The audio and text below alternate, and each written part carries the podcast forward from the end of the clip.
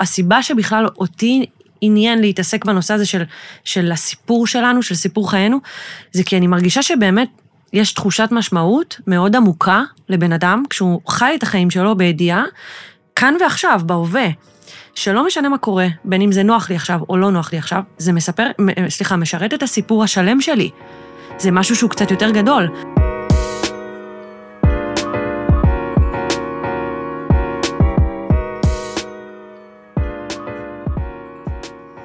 ברוכים הבאים לפרק נוסף של זווית אחרת. בפודקאסט הזה אנחנו באים לפתוח את הראש ולאפשר לעצמנו להתבונן מנקודות מבט שונות על סוגיות, שאלות, דיונים ורעיונות.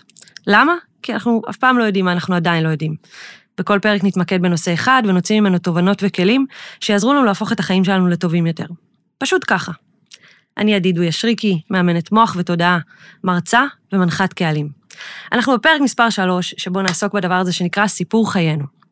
אני חושבת שאחת מהחוויות היותר נפוצות שאני פוגשת אצל אנשים, זו החוויה שהחיים הם רצף של אירועים רנדומליים שאנחנו נקלעים אליהם. נאלצים להתמודד איתם.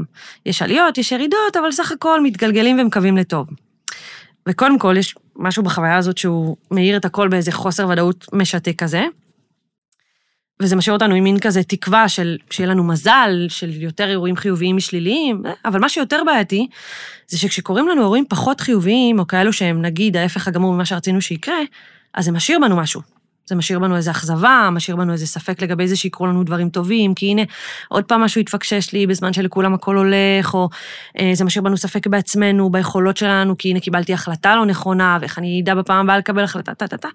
אז כל האירועים האלו משאירים בנו משהו, ובקיצור, זה פשוט עושה איזה מין חוויית חיים שמקצצת את הכנפיים. ולכן, אני מעוניין שנתבונן על הדבר הזה, שנקרא סיפור חיינו מזווית אחרת. ולטובת זאת, איתי באולפן, אייל אלטויל, היה לו מומחה ב storytelling, כתיבת הרצאות, בניית סדנאות ועמידה מול קהל. ליווית ואתה מלווה עדיין אה, כל יום עשרות אנשים לכתיבת הרצאות של הסיפור האישי שלהם, או הסיפור המקצועי שלהם, או שניהם. חלק מהאנשים גם מאוד מוכרים. אה, אני יודעת ליאור חלפון, אה, אסי בוזגלו, איגי וקסמן ועטי שולברג ועוד אה, שמות טובים. אז אייל, איזה כיף שאתה כאן, מה שלומך? הכי כיף בעולם. אז אני חייבת להודות שכשחשבתי על לעשות פרק שעוסק בנושא הזה של סיפור החיים שלנו, מיד חשבתי עליך, כי אתה באמת מומחה במה שנקרא לגרום לאנשים להסתכל על הסיפור חיים שלהם מאיזושהי זווית אחרת, ואז גם להצליח לספר אותו. אמ, ואיזה גילוי נאות, גם אני בעצמי אה, עבדתי איתך על ההרצאה שלי. ההרצאה המצוינת שלך. תודה. הודות לך, הרבה מאוד ממנה, אה, ב-27 בספטמבר, שזה גם היום הולדת שלי, אגב, אה, ביום הולדת שלי. מזל טוב. אני עולה איתה אה, בערב בכורה, וזה ממש מרגש. אז זהו, ככה, זה, זה באמת מה שההיכרות בינינו, הכרתי אותך בעוד כל מיני כובעים בתחום הבמה וכזה, אבל זה הדבר האחרון כזה שעשינו ביחד. תספר לי קצת על התהליך הזה שאתה עושה עם אנשים שמגיעים אליך ורוצים לעלות עם איזושהי הרצאה, איך, איך אתה מחדד להם את הפרספקטיבה שלהם על החיים, איך, ספר לי מה קורה שם. מדהים, אז קודם כל אני, חשוב לי להגיד, ואני תמיד אומר את זה גם לאנשים שבאים לכתוב הרצאה, שהדבר האחרון שהם יוצאים איתו, במרכאות אני אומר, זה הרצאה. Mm-hmm. זה הרבה יותר תהליך פסיכולוגי, mm-hmm. עם העמקה של אה, נושאים כואבים יותר וכואבים פחות, והסתכלות פנימה, אה, מאשר ההרצאה עצמה. בסופו של דבר נוצר תוצר שנקרא הרצאה. אבל אני חושב שהדרך שעוברים והאמונה שהם מקבלים כדי לעמוד אחר כך על הבמה עם הסיפור שלהם, כדי להוציא החוצה אה, ולחשוף את הדברים הכואבים, את הדברים המפחידים, אה, זה הדבר הבאמת אה, חשוב של הדבר הזה. הדבר הראשון, אני כל תהליך כתיבת ההרצאה שלי מחלק לארבעה שלבים, mm-hmm. לפי שיטה שפיתחתי, mm-hmm. כאשר ב, אה, הדבר הראשוני שאנחנו עושים, אני חושב שאחד הדברים החשובים גם כדי להוציא הרצאה טובה וגם כדי לזקק לעצמנו מי אנחנו ומה אנחנו רוצים להגיד, זה לענות על עשר שאלות הבסיס mm-hmm. לבניית הרצאה מנצחת. וואו, איך אני נשכתי את נשכתי שפתיים, ומה עברתי עם בדיוק חשבתי תוך כדי שאמרתי את זה. כן, איזה מסע. אבל עשית עבודה מדהימה בסוף, אני זוכר את הקושי שהיה לה. ליווית אותי יד ביד, לא ויתרת עליי, אז... אני לא אוותר בחיים על אף אחד, אבל את גם לא ויתרת על עצמך, ועשית באמת עבודה מדהימה. תודה. ואני חושב שזה באמת הבסיס של הכל. אני חושב שרוב ההרצאות, אה, אני לא אגיד ההתפתחות האישית של אנשים, אני כרגע אשאר בעניין ההרצאות, אני חושב שזה גם קשור לזה, אבל רוב ההרצאות נופלות על העניין הזה שאנשים לא יודעים על מה הם רוצים לדבר. מה הפרמיס, מה זיקוק במשפט של ההרצאה שלהם, מי קהל היעד שלהם, mm-hmm. מה הסיפור האישי שלהם, mm-hmm. איזה כלים מהחוויה שלהם הם נותנים לקהל. ואני חושב שאם אתה לא עונה על השאלות האלה ועוד רבות אה, אה, אה, וטובות, אתה, הסיכוי שלך, א', לזקק את מי שאתה באמת לטובת ההרצאה, mm-hmm. יורד משמעותית, והסיכוי להרצאה טובה, לדעתי כמעט מתאפס. אני יכולה להגיד מהחוויה שלי שבאמת, זה, קודם כל זה היה אה, איזושהי התפתחות, תהליך התפתחותי שלי, ממש גם דייקתי את הזהות האימונית שלי, דייקתי את המסר שלי, אה, דייקתי את אה, איך אני מתבוננת אני על הסיפור שלי, אז אני יכולה להגיד ממש ממקור ראשון שאני עבר, שזה ממש תהליך התפתחותי, נכון, יש גם את התוצר בסוף של לעמוד על במה ולספר את הסיפור שלי ולהוציא את הערך ממנו וכולי, אבל זה ממש ממש תהליך התפתחותי שעזר לי להתבונן על התחנות בחיים שלי מפרספקטיבה קצת אחרת, וכזה, מה שבא לי לשאול אותך זה, מה, מה, מה ככה הפרספקטיבה הרי בא, בא אליך בן אדם עכשיו, ואומר לך, אני רוצה להוציא הרצאה, או אני רוצה לדבר את הסיפור שלי, אבל אין לי סיפור. או הסיפור שלי לא כזה, או אין לי, אין לי משהו. אתה אומר לו, מה האירוע, נניח שאירוע כזה דרמטי שלמדת, אין לי, לא יודע. אז מה באמת הפרספקטיבה הזאת שעוזרת לאנשים בסוף להסתכל על הסיפור חיים שלהם, להגיד, וואי, רגע, יש פה איזה סיפור הרמוני, יש פה איזה אירוע שמחבר את כל הדבר הזה, מה באמת עוזר? אני חייב להגיד שהמון אנשים, בדיוק כמו שאמרת, באים אליי ואומרים לי, אין לי, אין לי סיפור, אין לי, אין לי סיפור, אין לי, אין לי מה להגיד, אין לי מה. אה, שלחתי לך גם היום, אני בדיוק פרסמתי היום פוסט שקשור לדבר הזה. נכון. אני חושב שאנשים באמת חושבים שאם אה, אין להם איזה סיפור פסיכי, אני לא יודע מה, שהם נחטפו על ידי איזה ארגון גרילה, או אני לא יודע מה, שזה אגב קרה לאח שלי באמת בקולומביה, כן? וואו, אוקיי. זה פתאום עלה לי לראש, אבל אז, אז אין להם מה לספר לעולם. וזה לא נכון. כגורף זה לא נכון. כי אה, כמובן שאם יש לך כזה סיפור, אחלה. מדהים, יש לך אקסטרה נכון. והרווחת עוד כמה נקודות, הכל מעולה. אבל זה לא מחייב שההרצאה תצליח, וזה לא מחייב שאתה תמכור את ההרצאה יותר מבן אדם שיש לו סיפור, mm-hmm. שהוא לא איזה סיפור פסיכי.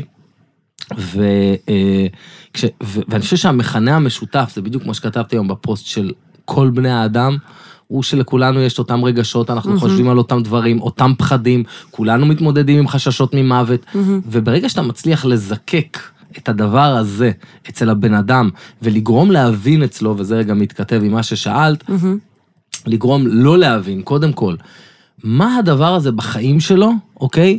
ששינה את חייו? מה הדבר הזה שברגע שהוא התמודד איתו, ברגע שהוא התעמת איתו, ברגע שהוא נגע בו, החיים שלו כבר לא יהיו אותו דבר, זה נקרא אירוע מחולל. נכון, שאגב אני רוצה להגיד ש... הרי אנחנו חווים בחיים שלנו כל כך הרבה תחנות, ולומדים כל כך הרבה שיעורים, שלכולנו יש כמה וכמה אירועים מכוננים בתחומים שונים. בין אם זה בתקשורת שלנו עם בני אדם, בין אם זה בעשייה שלנו, בין אם זה איך שאנחנו מבינים את עצמנו. אז כזה לכולנו יש כל מיני אירועים מכוננים, ש, שזה בדיוק העניין, שרוב האנשים מתייחסים אל, כאילו זה קרה לי וזה קרה לי וזה קרה לי וזה קרה לי, ואוקיי, וכאילו הנה אני פה ופה הייתי פה ופה הייתי פה. אין איזה, אין איזה הבנה שזה שירת את זה, וזה הפך אותי למה שאני עכשיו, והנה מפה עברתי לתחנה הבאה, ויש איזה משהו, ושוב, אני מחברת את זה למקום, לא סתם אתה עלית לי לראש, כי, כי החוויה שאני עברתי איתך בליווי, ובעבודה שלנו ביחד על הסדנה שלי, עוד יותר חידדה לי את הפרספקטיבה על איך באמת באמת כל דבר שאנחנו פוגשים, אפילו, לצורך העניין, ניתן דוגמה. בתקופה הזאת, במספר שבועות הזה שעבדנו ביחד על הסדנה, אה, אם אתה זוכר, גם פרסמתי בסטורי שלי על זה שאני חווה ממש אתגר בעבודה המשותפת ברור. שלנו. כי פגשתי בן אדם כמוך שהוא אותנטי, שהוא לא מפחד להגיד לי, תקשיבי, אני רואה שאת כאילו חזקה, לא מפחד לדבר, אבל זה לא, זה לא הקישקה, תוציאי יותר. ופתאום, אם נגיד בדרך כלל אני מאוד בטוחה במקום שלי, כי במשך שנים בניתי את זה, פתאום פגשתי בן אדם שדחק אותי עוד יותר לקצה, עוד יותר לפינה. שאמר לי, את רוצה לעמוד על הבמה ולהוציא את הלב שלך? אין, לא, אני לא אוותר עליך, לא אכפת לי, תאהבי אותי, לא תאהבי אותי. אז, אז לצורך העניין, החוויה הזאת איתך, תוך כדי שחוויתי אותה וידעתי שאני לא אוהבת את זה, אבל גם אמרתי, אני לא אוותר על זה בחיים. כי הנה, יש לי פה תחנה שהולכת להפוך אותי למשהו שהוא גדול, שישרת את הסיפור שלי, שזה, אז כזה, אז זאת הסיבה שמבחינתי, ההסתכלות ההוליסטית הזאת, על האירועים שלנו, היא משהו שמשרת, משרת אותי, את תחושת המשמעות שלי.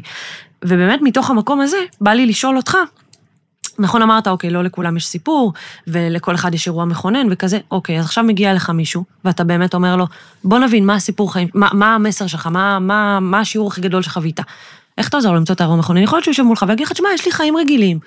בסדר, פיטרו אותי פה מעבודה, פה הייתה לי פרידה מבת זוג, פה היה לי זה. אתה יודע, לא לכולם באמת יש סיפורים של עכשיו נחטפתי על ידי אה, לא יודעת מה. איך?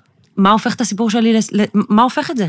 אז, אז קודם כל, השאלה שאני תמיד שואל את האנשים שמגיעים, זה דבר ראשון, קודם כל, לפני שאני רגע אגיע לזה, כי זה עוד לבל מה שאמרת, זה מה יש לך להגיד לעולם?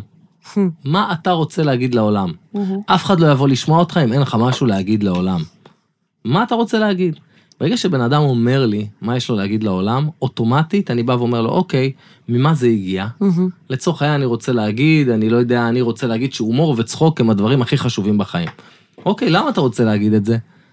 ואז פתאום הבן אדם מתחיל לספר לי, כי תקשיב, כשסבתא שלי נפטרה וככה וככה, הומור היה מה שזה, ואיבדתי מלא אנשים. ואז אני אומר לו, או, אז אנחנו כבר מתחילים להבין שיש פה סיפור, יש איזה משהו שמאוד מייחד אותך.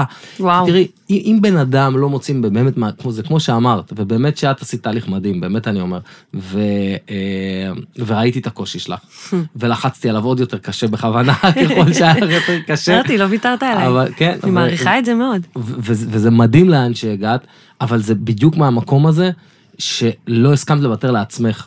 לא הסכמת לוותר על עצמך וחיפשת כל הזמן בתוך כל המעגלים של הבלבול שלך, מה הסנטר הזה של מה שיש לך להגיד?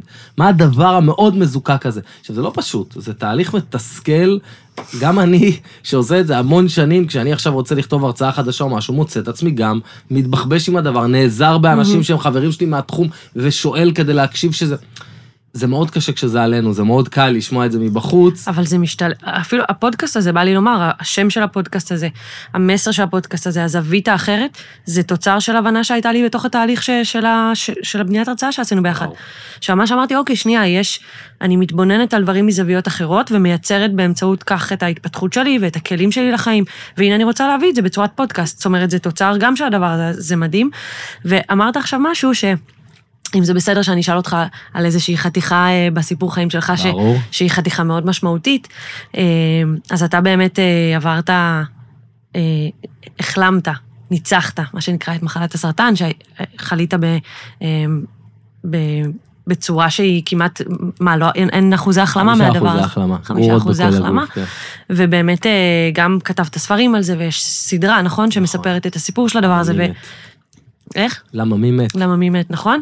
והרצית בכל הארץ, הסתובבת עם ההרצאה שלך על הדבר הזה, ובאמת המסר של ההרצאה זה, קודם כל זה נקרא הסרטן מת מצחוק, אה, על איך באמת ניצחת את הסרטן באמצעות הגישה וההומור שלך והכל, וזה דווקא לוקח אותי באמת למה שאנחנו מדברים עליו, של מה עזר לך בתוך הדבר הזה, בתוך, אתה יודע, בכל זאת. עברת מסע, אני מכירה אותו ממש מקרוב, כי סיפרת לי בתוך התהליך שבנינו את ההרצאה, את ממש את הדיטיילס של הסיפור שלך, אבל עברת רגעים ש, ש, שאנשים היו קורסים תחתם אלף פעמים, ואתה, הייתה לך איזושהי פרספקטיבה של כזה, זה חלק מהסיפור, אני אצלם את זה, אני אתעד את זה, זה, זה... איך? איך עושים את הדבר הזה? איך נמצאים בקושי שהוא, באמת, שהוא לראות את המוות, ולהגיד, זה חלק מהסיפור שלי. אז, אז אני אגיד לך, קודם כל חשוב להגיד שגם התמודדתי עם קשיים בתוך הדבר הזה. זה שצחקתי על זה וזה שעשיתי הרבה צחוק והומור, עדיין היה הרבה רגעים אה, לא פשוטים, קשים, אה, ואני תכף אספר רגע על מי הייתי לפני, כי זה מאוד קשור לאיך גם קיבלתי את ההחלטה הזאת, ואיך בכלל נוצר כל העניין הזה אחרי זה, גם שרציתי לעבוד עם אנשים על הסיפורים שלהם. אה, הסכמתי לקבל את הכאב והתסכול, ורק כשאתה באמת עושה את זה ומוכן להישבר, רק אז אתה יכול לצחוק ולראות את הדברים בזווית אחרת. וואו. וזה מאוד מתכתב גם לעבודה שלי עם אנשים. הרבה פעמים אנשים באים ומנסים מאוד להיות אה, אה, פלט, ומאוד אה, לדבר איתי על כל מיני סיפורים כאילו מלמעלה, כאילו, ואני ישר אומר, תקשיבו, אל תחרטטו אותי. בואו, כנסו לעומק, בדיוק כמו שאת סיפרת, כנסו לעומק של הדברים, שתפו, תוציאו, כי עד שאתם לא תתמודדו עם זה, באמת אתם תתמודדו עם זה, לא תוכלו להעביר את זה לקהל. אתם צריכים קודם כל לרפא את עצמכם בשביל שהקהל יוכל לקבל מכם מסר, יוכל לקבל כלים, יוכל לראות מישהו שבאמת מאחורי זה, והיה בכאב שהם חווים. אם אתה מנסה להיות מלמעלה, אתה לא, הם לא יצליחו לעולם אה, אה, לחוות אותך. יש לי משפט שאני אה, אומר שאני מאוד אוהב, שאם אתה רוצה חשיפה והכרה, אתה קודם כל חייב להסכים להיות חשוף ולהכיר את עצמך באמת. ממש, וואי, אני לא יכולה לשכוח את זה, זה מהרולאפ. נכון. אני לא יכולה לשכוח את המשפט הזה, נכון. בטח. והרבה אנשים לא מוכנים, לא, עזבי, הם לא מכירים את עצמם והם לא מסכימים להיות חשופים. ואם אתה לא עושה את זה, זה אגב אחת הסיבות העיקריות שאנשים אומרים, אין לי סיפור. אמ, זה בדיוק מה שרציתי להגיד עכשיו, שכזה, אמרת פה משפט, אמרת על, על להסכים להתמודד עם הכאב, לכאוב אותו, לקבל אותו לזה, אני חושבת שזה מה שבאמת מאפשר לנו בסוף כבני אדם להתבונן על הסיפור ולהגיד זה הסיפור שלי. אבל קודם כל אני חייבת להסכים להתבונן. אם אני דוחה הצידה ולא רוצה בכלל להתעסק בכאבים שחוויתי, אז איך אני אוכל לרדת לעומק של הדבר? איך אני אוכל להבין למה זה בנה אותי? איך אני אוכל להבין מה טמון שם, מה המתנה שיש בתוך העטיפה הקשה הזאת? חד משמעית. אז באמת. זה, זה היכולת הזאת של להסתכל כזה לתוך ה... אה, לכאבים האלה באמת face to face, ובאמת זה מחבר אותי לדבר הבא שבא, ש, שבא לי לשאול אותך, זה אה, כשעבדנו ביחד על ההרצאה, אז אתה יודע מה, אני אשאל את השאלה, ואז אני כזה זה, מה לדעתך הופך אה, הרצאה לטובה? אני עכשיו באה לספר את הסיפור חיים שלי, מה הופך את ההרצאה לטובה? במילה אחת, מהמם, אמת ואותנטיות. אוקיי, זה אחד. מהמם, זה הדבר הראשון שחובה, של שיהיה לך בזה אותנטיות מהמם, ואמת. ואמת זה אומר בדיוק את העניין הזה של להסתכל לגרעין של מי שאתה בתוך העיניים, מהמם, להוציא את הדברים הכי קשים החוצה, מהמם, להסכים להיות חשוף, להסכים להתמודד עם ההשלכות של מה שזה אומר, לעלות על הבמה.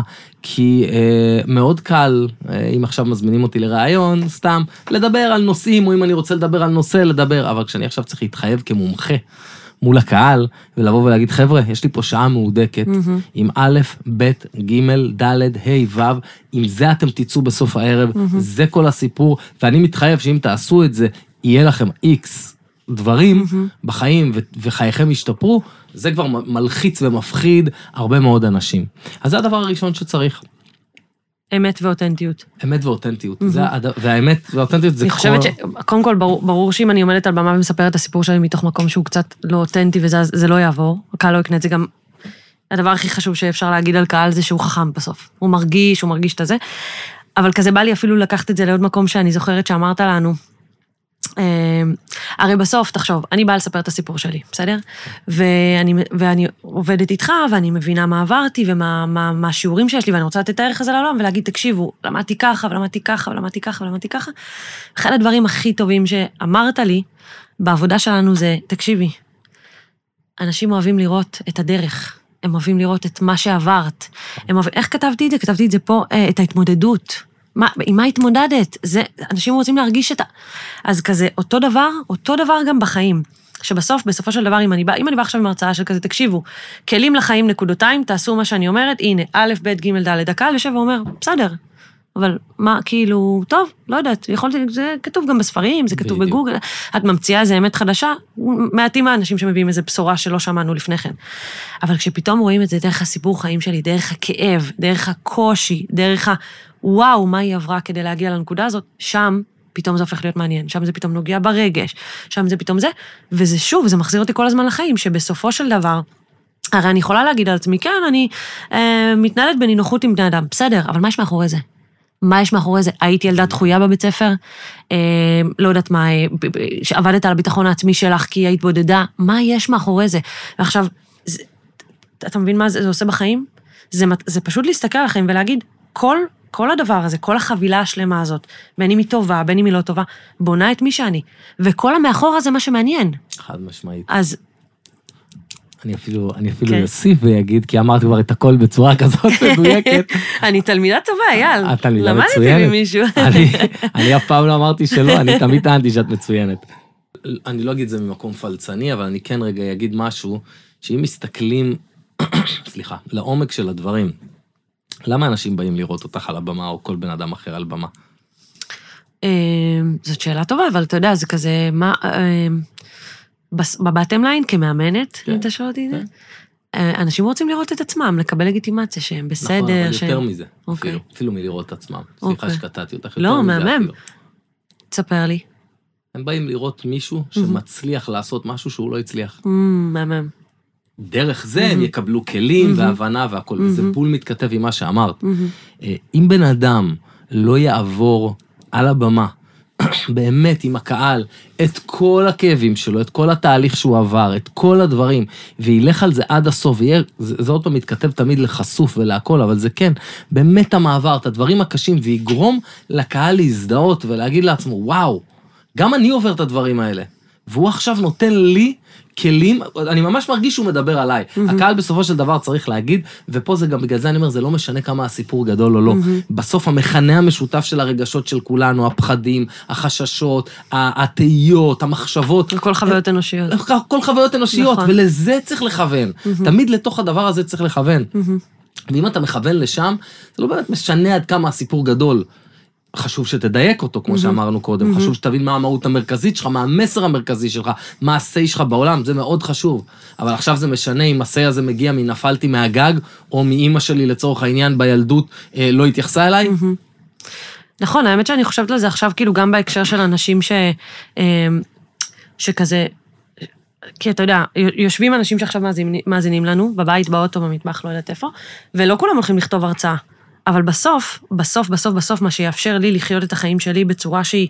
אה, אה, ש, שגם אני חיה את הסיפור שלי ב-day to day שלי, בצורה הכי מחוברת אליו, זה היכולת שלי באמת להסתכל על החוויות שעברתי, על זה, אבל כאילו, אני לוקחת את זה שנייה למקום, כי אני מנסה לחשוב מה, מה בסוף עזר לי להתמודד, נגיד, עם הקושי הזה שהיה לי? כי אני זוכרת שהיה לי כמה קשיים בעבודה איתך, היה לי את הקושי של לזקק את זה לדבר אחד. מה זאת אומרת? מה, מה, זה, מה זה מסר אחד? מה זה זה? אני, אני אדם מלא מסרים, איך אני... אז, אז כאילו אם אני שנייה לוקחת את זה לחיים האמיתיים, ולא רק בכיוון של הרצאה, אז כאילו השאלה שבסוף, הכותרת שבסוף הייתה לי ועזרה לי, זה אולי, מה פתרת לעצמך? מה, מה פתרת לעצמך? מה, מה המלחמה הזאת שאת נלחמת כל החיים ופתרת לעצמך? אז כזה, אם אני עכשיו לוקחת את זה למקום, אה, שואלת אותך, מה עוזר? אתה, אתה מלווה אנשים, אתה ראית אותי חובת הקושי הזה, אני הייתי מהצד השני. מה באמת עוזר? אוקיי, לא כולם מסכימים להסתכל לתוך הקושי הזה בעיניים. גם אני יכולה להגיד שעברנו את התהליך שעשיתי איתך, עברנו בקבוצה, והיו אנשים בקבוצה שלא הסכימו לדבר, להסתכל באמת על החוויות הקשות שהיו להם, שהן המשמעותיות ביותר. אז מה באמת עוזר? איך אני יכולה עכשיו לפתח את החוסן, להסתכל על החוויות הקשות ולהגיד, אני רוצה להבין שהם חלק מהסיפור שלי ולהכיל אותם ולקבל אותם, למרות שזה חוויות שקרעו לי את הנפש. איך אני עושה את הדבר הזה? זה, תראי, זה tricky. Mm-hmm. זה שני דברים. אחד, אה, ואני אומר את זה, יש אנשים שמגיעים אליי ואני מדבר איתם, ואני מרגיש שהם לא בשלים לתהליך, mm. לעשות את הזה. את, ידעתי שאת בשלה, ולא ויתרתי כי ראיתי שיש שם משהו שרוצה והוא נמצא בהתנגדות. אבל, אבל, אבל ידעתי שזה הולך להתפרץ מתישהו, אז אמרתי, זה רק עד כמה לוחצים את זה עד הפינה ומתי זה יתפוצץ, כאילו. גם אם נריב, והיה לנו אינטריגות בינינו והיה הכל, אבל לא הסכמתי לוותר. אבל יצאה הרצאה יצאת, אני עוד, מה שראיתי אותך שעשית בזה, זה היה מדהים, ואני בטוח שזה עוד אה, אה קיבל עוד ועוד mm-hmm. לבלים וזה, אני משוכנע. גם ככל שהזמן יעבור, זה עוד, אנחנו נכון. מתפתחים ביחד עם ההרצאה נכון. כבני אדם. אה, אז זה מבחינה אחת. קודם mm-hmm. כל, בן אדם חייב להסכים באמת, mm-hmm. להיות מוכן להסתכל לדבר הזה, אה, אה, להסכים בכלל להיכנס לתהליך. Mm-hmm. זה הדבר האחד. מהצד השני, הדבר השני, בן אדם אה, שנמצא אה, עם סיפורים, עם קשיים, עם דברים, חייב להבין דבר אחד, וזה אני אומר תמיד לכל בני אדם. מה הפחד הכי גדול של בן אדם להתמודד עם הקשיים האלה ולשים אותם... אה... מה, בושה כאילו? בושה, ב- מה עוד? בושה, אשמה, אה, דחייה. אה... דחייה, מה עוד? אה, אם אני שמה את הסיפור שלי בחוץ, לא יודעת, לחוות את הכאב הזה בצורה פומבית.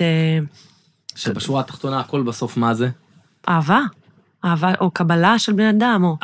את לא יאהבו אותי ולא יקבלו אותי, זה התוצאה, אבל, אבל, אבל נגיד בגדול, כשבן אדם עולה עם כל הפחדים האלה וכל הדברים שאמרת, הוא בסופו של דבר בא ואומר, משהו בי דפוק. משהו בי דפוק. אני לא יכול להציג לעולם שאני דפוק. וואי, זה מדהים מה שאתה אומר פה.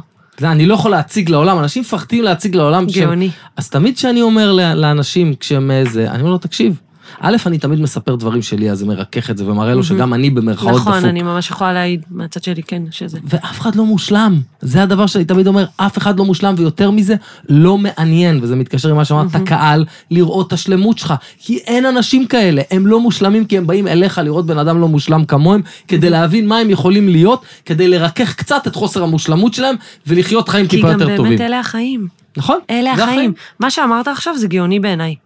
המקום הזה של בן אדם לא מוכן לעמוד עם הסיפור שלו בקדמת הבמה, מה שנקרא, כי אז אני מודה שמשהו דפוק בי, הנה, עברתי את כל השיט הזה, משהו דפוק בי.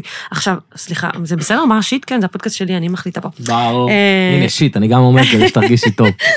אז לא, אז אני רוצה לומר שזה גאוני מהמובן של, זה בדיוק העניין, שדווקא במקום שאנחנו משחררים את התפיסה הזאת של משהו דפוק, ומסכימים לקבל שאלה החיים. נכון. אין שום דבר דפוק. כולנו חייבים לעבור בתוך המסדרון הזה של החיים כמה וכמה כאפות, כאלה, קצת יותר, קצת פחות, זה, אבל חייבים לעבור את זה. ובסוף כשההבנה היא ששום דבר לא דפוק, אז פתאום הפרספקטיבה הופכת להיות קצת יותר, רגע, יש לי אמונה, הכל טוב, אם קרה לי פה משהו, מה זה מלמד אותי, מה זה מביא אותי. בדיוק.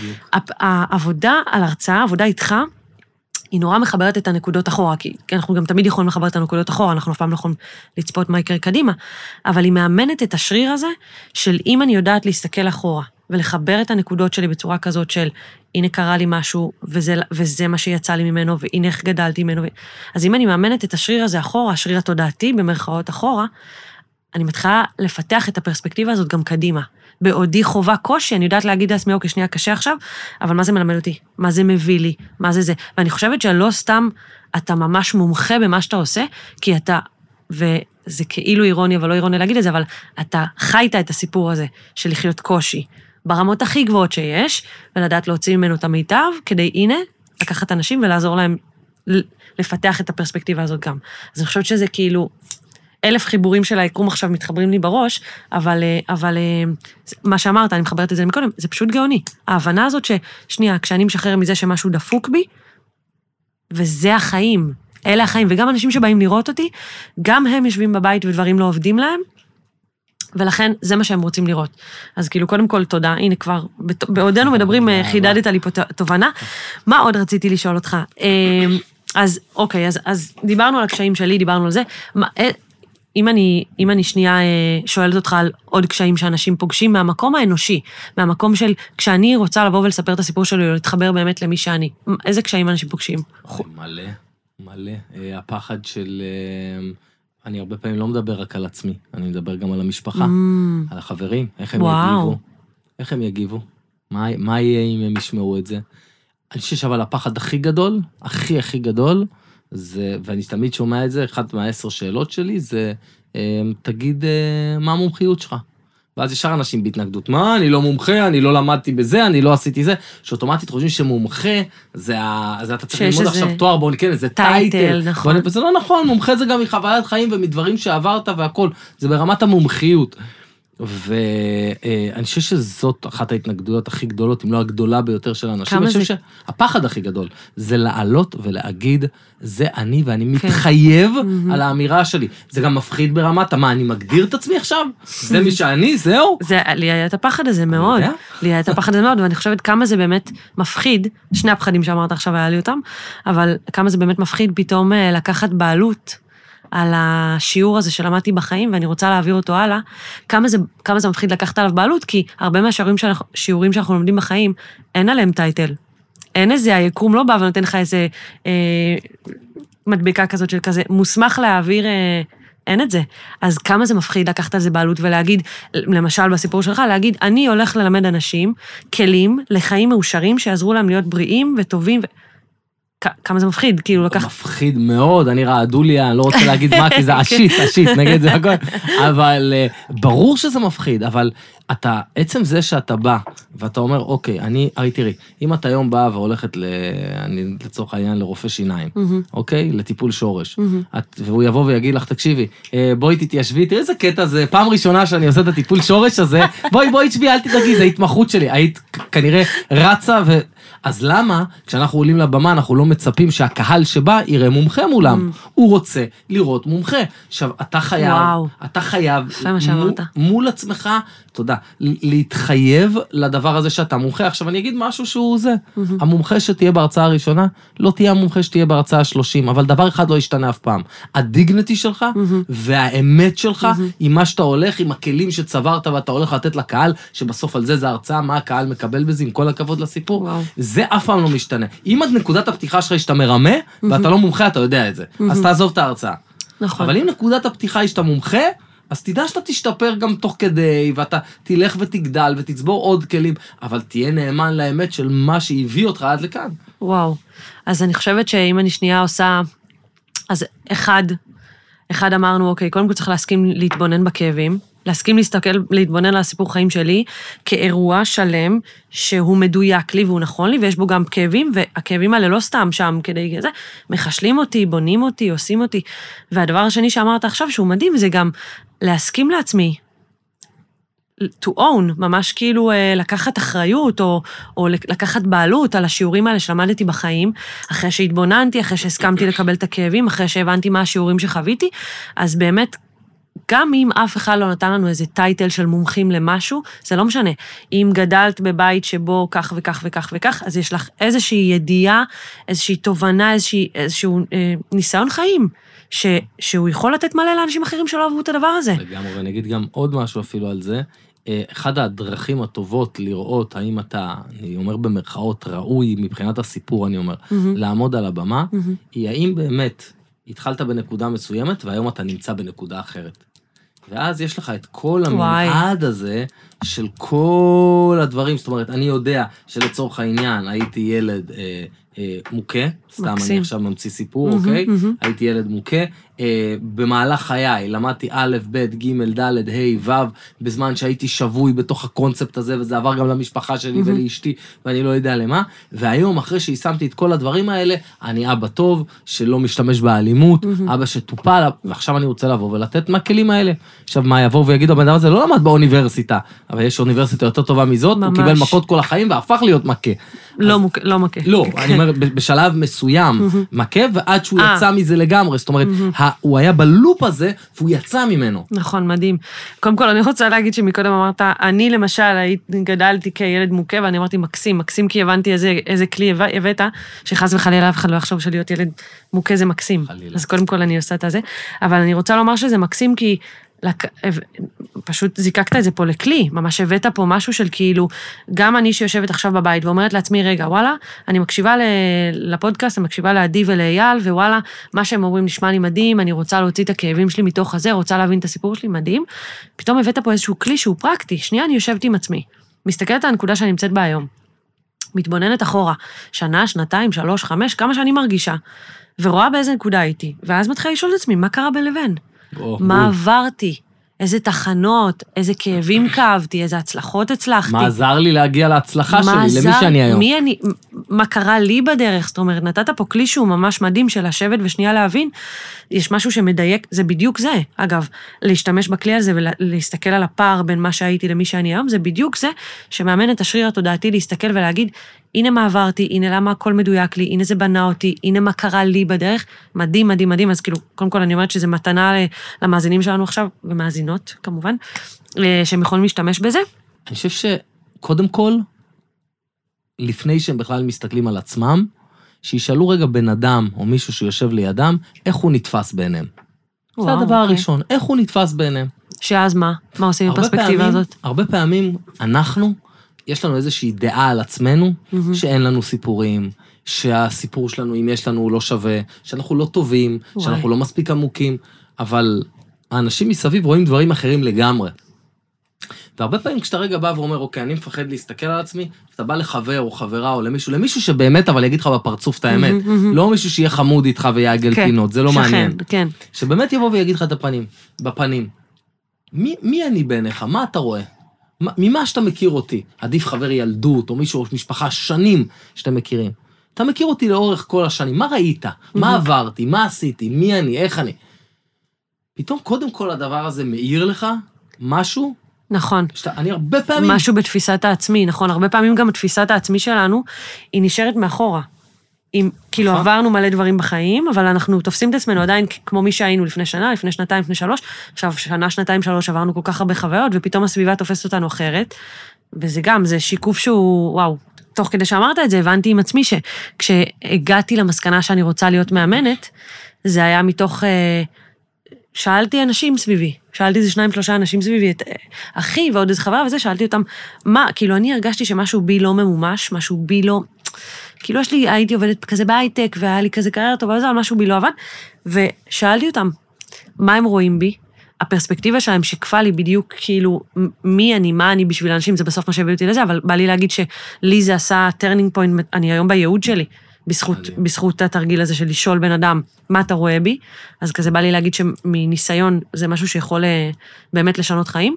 ובא לי לשאול אותך על, על המסע שלך, אחד מהדברים שנגיד לי במסע שלי היה מאתגר, זה שעשיתי מלא דברים, הייתי כזה שחקנית, ואז עברתי להייטק, ואז הבנתי שאני רוצה להיות מאמנת, וזה וזה, ועשיתי כזה מלא דברים, ובכל פעם ש, אה, שעשיתי כזאת פנייה חדה, אז אתה יודע, זה סוג של לשים כובע אחר. ולצאת לעולם. הנה, זה מה שאני עכשיו.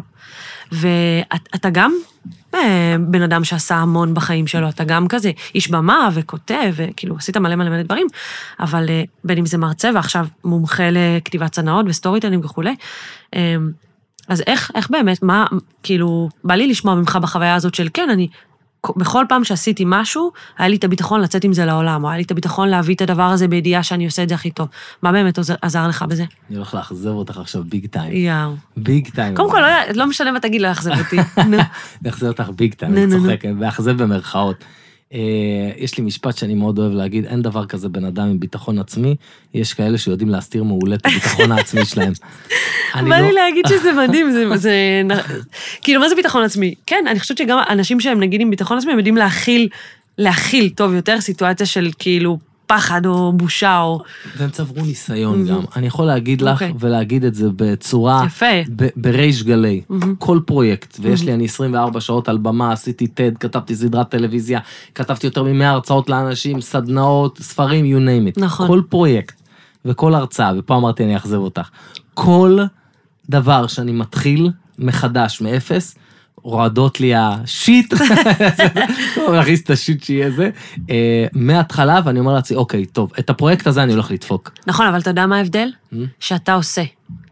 אתה חש את הפחד הזה, ואתה עושה. אתה אומר, זה לא יעצור אותי מלעשות את הדבר החדש הזה. נכון. מה בכל זאת? וכל פעם מחדש, אני רואה שזה מצליח וזה, זאת אומרת, אני מסכים לקבל את הפחד הזה, אני מסכים לקבל, וזה מתקשר לכאבים, נכון, ומה שלמדתי בתקופת הסרטן, את הפחד, להסתכל לו בעיניים ולהגיד, הכל בסדר, אתה מומחה. וואו. עשית כבר מספיק, אתה יודע, וגם אם תטעה, לא יקרה שום דבר, אתה תתקן תוך כדי. Mm-hmm. בסוף אני חוזר לאותה נקודה, נקודת הפתיחה שלך, אתה לויאלי. Mm-hmm. אתה בא עם משהו אמיתי שאתה נותן, עם ערך אמיתי, למדת אותו, קראת את התחת עליו, סליחה על הביטוי, mm-hmm. עבדת קשה פיזית ורוחנית, מממ-הממ. ואתה מקצועי בשביל לעשות את זה. הפחד הוא לא קשור לתוצאה. הוא קשור לזה שבדיוק מה שאמרתי במשפט קודם, כולנו באיזשהו מקום חוזרים לילד הקטן הזה שחסר ביטחון. הפחד לא קשור לתוצאה, זה ברמת המשפט שכאילו, כותרת חשובה מאוד, כי באמת, באמת, באמת, מה, ש, מה שבסופו של דבר, הרבה, holding back, כאילו אנשים חשים את הפחד ונותנים לפחד לספר להם שהם לא מספיק טובים, שזה לא יצליח, שלא, והפחד לא קשור לתוצאה. זה בדיוק העניין. לצורך העניין, אני עכשיו, לפני שהתחלנו להקליט את הפרק, אמרתי לגיא, שמקליט אותנו ברגעים אלה, בצחוק, אמרתי לו, מתי לקרוס לתוך עצמי? בצחוק, כי כאילו, אני, אני לא מתורגלת 100% ב- בלהקליט פודקאסטים. אני חייב להגיד שאת נשמעת כאילו זה הפודקאסט ה-200 שלך ברצינות. אייל, אייל, לא אתה, צוחק. אתה מתנחמד איתי? אני לא מת... אני מתנחמד איתך, נראה לי שאת כבר למדת על, על בשרך נכון, שאני לא מתנחמד. נכון, אייל, אייל לא מתנחמד. אם, זה, אם יש שם שיעור בקצה, הוא לא מתנחמד. הוא אומר, נשמה, יש לי פטיש חמש ואני לא, לא אתבייש להשתמש בו. אז פה אני אומר לגמרי את האמת, את נשמעת ממש אה, שוחה בזה. תודה, גם כיף לי איתך, זה הדדי. נעים. ו... אה, אז, אז באמת להגיד ש, שהפחד הזה זה באמת מה שבסוף עוצר אותנו מלעשות, כי, כי לא, אבל אמרת פה משפט ממש חזק, הפחד לא קשור לתוצאה. נכון. הוא פשוט לא קשור לתוצאה, ואני חושבת שיש אה, פה שיעור, אה, שיעור מדהים, היכולת שלי לשמוע גם בתוך כל הסיפור חיים שלך, אני חושבת שאם אנחנו מדברים על storytelling וכתיבת הרצאות והיכולת של בן אדם לזקק את הסיפור שלו וטה-טה-טה וטה-טה-טה, בין אם הוא עולה להרצאה ובין אם לא, יש פה בסוף איזושהי אג'נדה, איזושהי גישה לחיים שאומרת, אני אכתוב את הסיפור שלי. אז אני רואה את הכאב, אבל אני בוחר איזה משמעות יש לו. ואני רואה את הקושי, אבל אני בוחר איזה משמעות יש לו. ואני רואה את זה שעכשיו אני עושה משהו חדש וזה מפחיד אותי, אבל אני בוחר איזה משמעות יש לזה. האם זה מפחיד אותי וזהו, וזה אומר שאני לא מספיק טוב, או האם זה מפחיד אותי ואני אומר, יאללה, אז אני אקפוץ למים, ומקסימום, כמו שאמרת לי, המומחית שאת תהיי בהרצאה הראשונה היא לא המומחית שאת תהיי בהרצאה המאה שלך, אבל זה לא אומר שאת לא יכולה להיות מומחית בהרצאה הראשונה. אז כזה, קפצי למים. בדיוק, גם תמיד צריך לקפוץ מים ותמיד צריך לקבוע דדליין, ו... אה, וזה וזה באמת, זה כל כך חשוב, היה לי איזה קו מחשבה. ברח עכשיו, היה לי... ראיתי- ראית יכולתי לראות את זה כדי? ויזואל. כן, היה לי איזה משהו חכם להגיד, היה לי ממש משהו. יכולתי לראות את זה תוך ויזואלי. כדי. אם זה חשוב, זה ישוב. בא לי ישוב, להגיד לאנשים, יש לנו גם וידאו, אבל כזה, הפודקאסט יעלה רק אודיו, אנשים לא יודעים כמה אתה מצחיק. איזה בן אדם מצחיק אתה, המימיקות, כיף. ה- כאילו, בהכל. פשוט איש מצחיק, אז גם... זה כיף, תודה. כן. ונזכרתי עכשיו מה רציתי להגיד עם אתה? הפעם, אני מקווה שאני לא אשכח את זה אני. עשיתי לך מסאז' לתודעה וחילצתי, יאללה, לגמרי, יאללה, דבר אליי. וחילצת לי את זה. אחד הדברים שהכי מפחידים באמת אנשים, מעבר ל... אה, ל- להסתכל על עצמם ולהתחייב על, ה, אה, על המומחיות שלהם, זה, אה, שוב, זה לא שאני אומר פה איזה משהו של זה, אבל זה, אה, האם אנשים יחשבו אה, שאני מספיק... אה, אה, אני מספיק מקצועי להעביר להם את זה. לא ברמת אפילו המומחיות. מהמם. אני מספיק הבן אדם הנכון להעביר להם את זה. הרבה פעמים אני נתקל באנשים שבאים ואומרים לי, תקשיב, למה שיקשיבו דווקא לי? מהמם. למה שיקשיבו דווקא לי? לא אפילו ברמת המומחיות, למה דווקא לי? מהמם. ואני חושב שאחד הדברים שחשובים, שבן אדם שמתמודד עם פחד או זה, הוא צריך להגיד לעצמו, קודם כל, אני ראוי כמו כולם שישמעו אותי. וואו. אני ראוי כמו כולם שישמעו אותי. זה נורמלי שאני מפחד, זה נורמלי שאני פוחד, זה הגיוני, אה, אבל אה, אני ראוי שישמעו אותי. ועוד משהו אחד חשוב, להתמודדות עם הפחד, אה, אם אתה, יש לך איזושהי אמת פנימית, אג'נדה, ואיזושהי שליחות, ראייה הרבה יותר גדולה של מה שאתה רוצה לתת לעולם, אתה לא תוותר בגלל פחד בחיים. לא חיבור למשמעות פחד, האמיתית. בדיוק. בחיים לא תוותר בגלל פחד. כי אתה אומר, מה זה הפחד? כן. אני יכול לשנות פה לאנשים את כל החיים. נכון. מי אני שאני אה, אה, אה, יחסוך מאנשים את היכולת לשינוי ולהשפעה רק בגלל פחד? מדהים, וואי, אני חושבת שמה שאתה אומר עכשיו אפילו לוקח את כל השיחה שלנו לעוד רובד של... הרבה פעמים אנשים אפילו לא, לא ניגשים לשאלה של למה להתבונן בכאבים של חיי ולזקק, כי מה, מה הפרפס? מה בסוף, מה השורש של לשמו אני חיה? מה אני מביאה? מה אני... אז אני חושבת שאפילו לקחת את זה לעוד רובד של, של כשבן אדם שואל את עצמו, מה אני מביא? או מה אני מביאה, או מה יש, למה אני עושה את זה, מה באמת התשוקה שלי, המסר שלי לעולם, הדבר שאני מביא, ואז באמת, כשיש את זה, את התשוקה הזאת, את הדבר הזה בבטן, הוא לא נותן מנוח. לא משנה כמה, כמה הפחד אה, זה, אין, הוא אומר, בסדר, פחד, פחד, זוז, וכאילו, תן, תן לי ל- ל- להביא, לי להביא לעולם את מה שיש לי להביא. זה אפילו לא לזוז, זה תחבק את הפחד ואתה הולך איתו. בדיוק, או לך, נכון, לקפוץ עם הדבר הזה. ובאמת, כאילו, בא לי להגיד שהפיקציה הזאת, ש... כי הרי מה קורה? תחשוב, אני יכולה, נגיד, להגיד לעצמי, אני לא אקליט את הפודקאסט עכשיו, אני אשתפשף, אני אעשה קצת דברים, אני, אני אכיר, אני אולי אלך להתארח קצת בפודקאסטים, אני אעשה ככה, אני אעשה ככה, כל הפיקציה הזאת של כאילו אני אהיה מוכנה ל... עכשיו, אין דבר כזה, אני מוכנה ל... כאילו אי אפשר, זה כמו שעכשיו אני אגיד לך, בוא, בוא, אני אלמד אותך לשחות. ועשרה שיעורים אנחנו מסתובבים סביב הבריכה, ואני מסבירה לך, זה בריכה, זה הקצה, זה מים, זה זה. זה לא ישנה את זה שעדיין כשאתה קופץ למים בלי מצופים, אתה עומד לשקשק. אז. אז מה הרעיון? אז למה כאילו זה, אין, לא יעזור. הפיקציה הזאת של לנטרל את הפחד, או אני אעשה כל מיני צעדים שיכינו אותי כדי לא לפחד, אין את זה. אין את זה, זה חלק מחוויות החיים. כשאני עושה משהו חדש, אז אני צריכה, א', להתמודד עם הפחד, וב', גם להסכים לעצמי להיות טירונית. להגיד, בסדר, הכל טוב, אז אני אעלה עכשיו להרצאה הראשונה. והיא לא תהיה ההרצאה הכי מטורפת שאני אעשה בחיים שלי, אבל היא תהיה ההרצאה הכי מטורפת שאני אעשה עכשיו. לגמרי. וזהו, ואם אני לא מטפסת את המדרגה הזאת, איך אני אטפס את הבאה? ואיך אני אטפס את הבאה? בול, בול, ואיך אני בול. אטפס את הבאה? וואו, יאללה, אני רוצה להגיד שכזה, אמרתי, נדבר על סיפור חיינו, אבל אנחנו מדברים כזה על כל כך הרבה, ככה הסתעפויות ודברים, אז כיף כן. לי ממש. גם קיבלתי ממך שתי מתנות, למי קראת, למי קראת. זה אני. בת, למי קראת אבא, והסרטן מת מצחוק.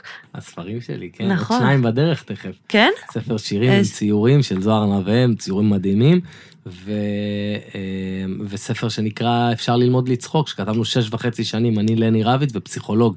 שממש וואו, לוקח אבל- איך לוקחים אוקיי. כל טראומה בחיים, ומסתכלים עליו דרך הומור וצחוק, זה ממש תהליך אימוני, ספר מטורף, עם קטעי וידאו ותרגילים, ש... רגע, איך לוקחים כל טראומה בחיים, ו... ו... ובסופו של דבר מסתכלים עליה דרך משקפיים של הומור וצחוק. אבל לא כבדיחות, אלא ממש מתמודדים עם זה דרך הומור וצחוק. שמה? שמה זה נותן? כל, כל- כל מה שעברת, טראומה, כל, כל בן אדם, מהמם. את עוברת טראומה, מסתכלת על החיים בצורה שלילית ובצורה טראומטית, בגלל חוויות שעברת, וזה מלמד אותך ממש לצאת מעצמך, להסתכל על הדברים בצורה הומוריסטית, ובסופו של דבר לקבל את החיים מאיזושהי פרספקטיבה שאת מסתכלת מבחוץ, ויכולה גם לצחוק על זה, שזה לא שלך. זה ממש תהליך, זה שש. וחצי שנים פסיכיים של אה, בערך פעמיים, שלוש בשבוע. מטורף. כתיבה לא שפוי זה היה, כן. מטורף. אני רוצה להגיד שכאילו, ה... קודם כל, מה שהדרך שבה אתה חי את החיים שלך, והדרך שבה באמת, ואני מחברת את זה לכל השיחה שהייתה לנו עכשיו, יכולת שלך לקחת כל אחת מהתחנות שהיו לך בחיים, וגם, כאילו לפני, אני, אני זוכרת שכשסיפרת לי, לנו, כשעשינו איתך את המסע הזה של לכתוב את ה... שאני עשיתי איתך את המסע של לכתוב את הסדנה שלי, אז גם כשסיפרת לנו על, עליך לפני הסרטן, גם שם היו כזה כל מיני קשיים פה ושם, גם כל, זאת אומרת, כאילו, אין מה לעשות, this is life, אבל הם הביאו את הסרטן אפילו, אם את ממש זהו, רוצה. נכון, בסוף, וזה. בסוף נכון, גם על זה כאילו יצא לנו לדבר, אבל בא לי להגיד שהפרספקטיבה שלך, לא סתם אתה נמצא בכיסא הזה, באמת אני חושבת, לא סתם אתה נמצא בכיסא, שאומר לאנשים, בואו שנייה, תביאו את הסיפור הכואב שלכם, תביאו את הסיפור הזה, אני אעזור לכם ל- ל- לזקק אותו, להבין למה אתם האנשים שאתם היום בזכותו, ולמה... כי אני חושבת שאתה עוש, אתה מקיים את הדבר הזה ברמות הכי גבוהות. היכולת שלך באמת לקחת כל תחנה שעברת בחיים ולהוציא, להפיק ממנה את המיטב, להיות הבן אדם הזה שנותן השראה, שמוציא את זה החוצה. אני חושבת שזה כאילו באמת אחת ההשראות, אחת ההשראות הכי גדולות שלי בנושא הזה. תודה. של איך להוציא באמת מהמסע שלי את מה שאני יכולה להוציא ולתת את זה החוצה. אוקיי, אז רציתי להגיד ככה, אני שנייה מסכמת את כל השיחה שלנו, בסדר? נותנת ממש כזה, מורידה את זה שנייה לקרקע לטובת המאזינות ומאזינים שלנו. אז בסופו של דבר, לכולנו יש סיפור, נכון? זה נראה לי הדבר שהתחלנו ממנו, שאנשים באים אליך ואומרים, אין לי סיפור ריאל, אין לי. ויכול להיות שהסיפור הוא לא טרגי עכשיו, לא חייב לחלות באיזה מחלה קשה, להיחטף, לאבד איזה אדם, לא חייב. אפשר שהחיים יהיו מדיום, במרכאות מדיום, כן? וגם שם, מתוך הכאבים, מתוך הזה, צמחתי להיות הבן אדם שאני. צריך לסייג ולהגיד שבן אדם חייב להסכים להיחשף, כי אם הוא לא נחשף, אז זה באמת יוצא למקום שאין סיפור. אבל לא כי אין סיפור, כי הוא לא הסכים לראות את הסיפור ולהוציא אותו החוצה. זה הבדל מהותי מאוד. נכון, ואני אחבר את זה, אז, אז באמת להסכים להסתכל על הסיפור שלי, להסכים לקבל את זה שיש בו כאב כחלק בלתי נפרד. לא כמשהו שלמרות הכאב, לא למרות, בזכות, זה הדבר. ובהמשך לזה שאמרנו, להסכים להתבונן על הדבר הזה, זה באמת להבין שאף אחד מאיתנו לא דפוק. כי בדיוק הדבר הזה, כי חלק הוא בלתי, כי כאב, סליחה, הוא חלק בלתי נפרד מהחיים שלנו, כי זה מה שבונה אותנו, האנשים שאנחנו, וברגע שאנחנו מסתכלים לדבר הזה לתוך העיניים, לכאבים, אנחנו מרוויחים שני דברים. אחד, את היכולת לראות מה הרווחנו מתוך הדבר הזה, ול, ואיך גדלנו, ואיך זה הפך אותנו לאנשים שאנחנו, ושתיים, זה עוזר לנו לפתח, איזה, לפתח איזשהו חוסן בהווה. כי גם עכשיו כשאני חווה קשיים, אני יודעת להגיד, הכל טוב. כי כבר אחורה ידעתי לזהות מה יצא לי מהכאבים האלה. אז עכשיו בעודי, יכול להיות שאני, אבל אני כואבת את זה, אני לא מדחיקה את זה, או לא. מתעלמת מזה, אני כואבת את זה, נותנת לזה מקום, אבל יודעת להבין שזה חלק בלתי נפרד מהסיפור שלי, ושבנקודה מסוימת אני אדע להסתכל אחורה ולהגיד, מזל שזה קרה לי. חד משמעית, וגם באמת לדעת שאין דבר כזה שלמות. אין שלמות, הכל טוב. כמו שאתה, כמו שאמרת לי על ההרצאה, ובצורה הכי ברורה אמרת לי, עדי, תקשיבי, זה לא מעניין. סיפור שהכל בו זה כזה, זה לא מעניין. אותו דבר החיים. החיים שלנו הם, הם מעניינים ו- ופועמים וקורים, בגלל שיש גם את זה וגם את זה וגם את זה. אז זה בדיוק זה, לגמרי. שיש שלמות. אייל, איך אני יכולה להודות לך על זה שהגעת? אני צריך איזה להודות כיף. לך, אני נהניתי, היה היה כיף לי הכי- כיף ברמות, הדדי. כבוד ממש גדול לארח אותך. אני, אני, קודם כל, אני אזמין אותך להרצאה שלי, שאני מקווה שאם וכאשר יסתייע לך להגיע, אז אני יותר מאשמח, כבוד גדול יהיה לי. אה, ואני אגיד שכבוד גדול גם לארח אותך פה, אבל גם אה, כל המסע שעברתי איתך, בין אם זה שעברתי איתך גם סדנאות, שאני אגיד בכוכבית סדנאות על אה, איך להשתחרר על במה, ואיך להוציא באמת את, ה, את מי שאני, וכל המיומנויות במה שלי גם קיבלו הרבה מהידע שלך. אוקיי. אה, אבל גם כבוד גדול שעזרת לי אה, לדייק את עצמי ולכתוב את הסיפור שלי ולהביא אותו. אני כל כך גאה בהרצאה שיצאה לי, שהולכת להיות טיל נפץ. אני. אז- אני גם גאה, אני חייב להגיד, ממש התלהבתי בסדנה, ו... אסירות תודה, באמת, כבוד גדול להכיר בן אדם כמוך, ובטח בטח לעבוד עם בן אדם כמוך. הדדי, אוהב אותך, תודה, היה לי כיף גדול. יאללה, תביא חיבוק. איזה נשמה. עד כאן זווית אחרת להפעם. תודה שבחרתם להאזין, ובנימה אישית, אספר לכם שהעשייה שלי מטרתה לאפשר לכמה שיותר אנשים את הכלים והמיומנויות הדרושות להם, בכדי שיוכלו לייצר לעצמם את החיים שהם רוצים. אז אם הפרק הזה נתן לכם ערך, נגע בכם, עורר בכם מחשבה, העבירו את זה הלאה. שתפו אדם קרוב, שהאזנה לפרק הזה אולי תהיה מה שיוביל אותו לפריצת דרך. ואם תכנים מהסוג הזה מעניינים אתכם, אני מזמינה אתכם לעקוב אחריי באינסטגרם. נתראה בפרק הבא. ועד אז, תדאגו להתבונן לפעמים גם מזווית אחרת.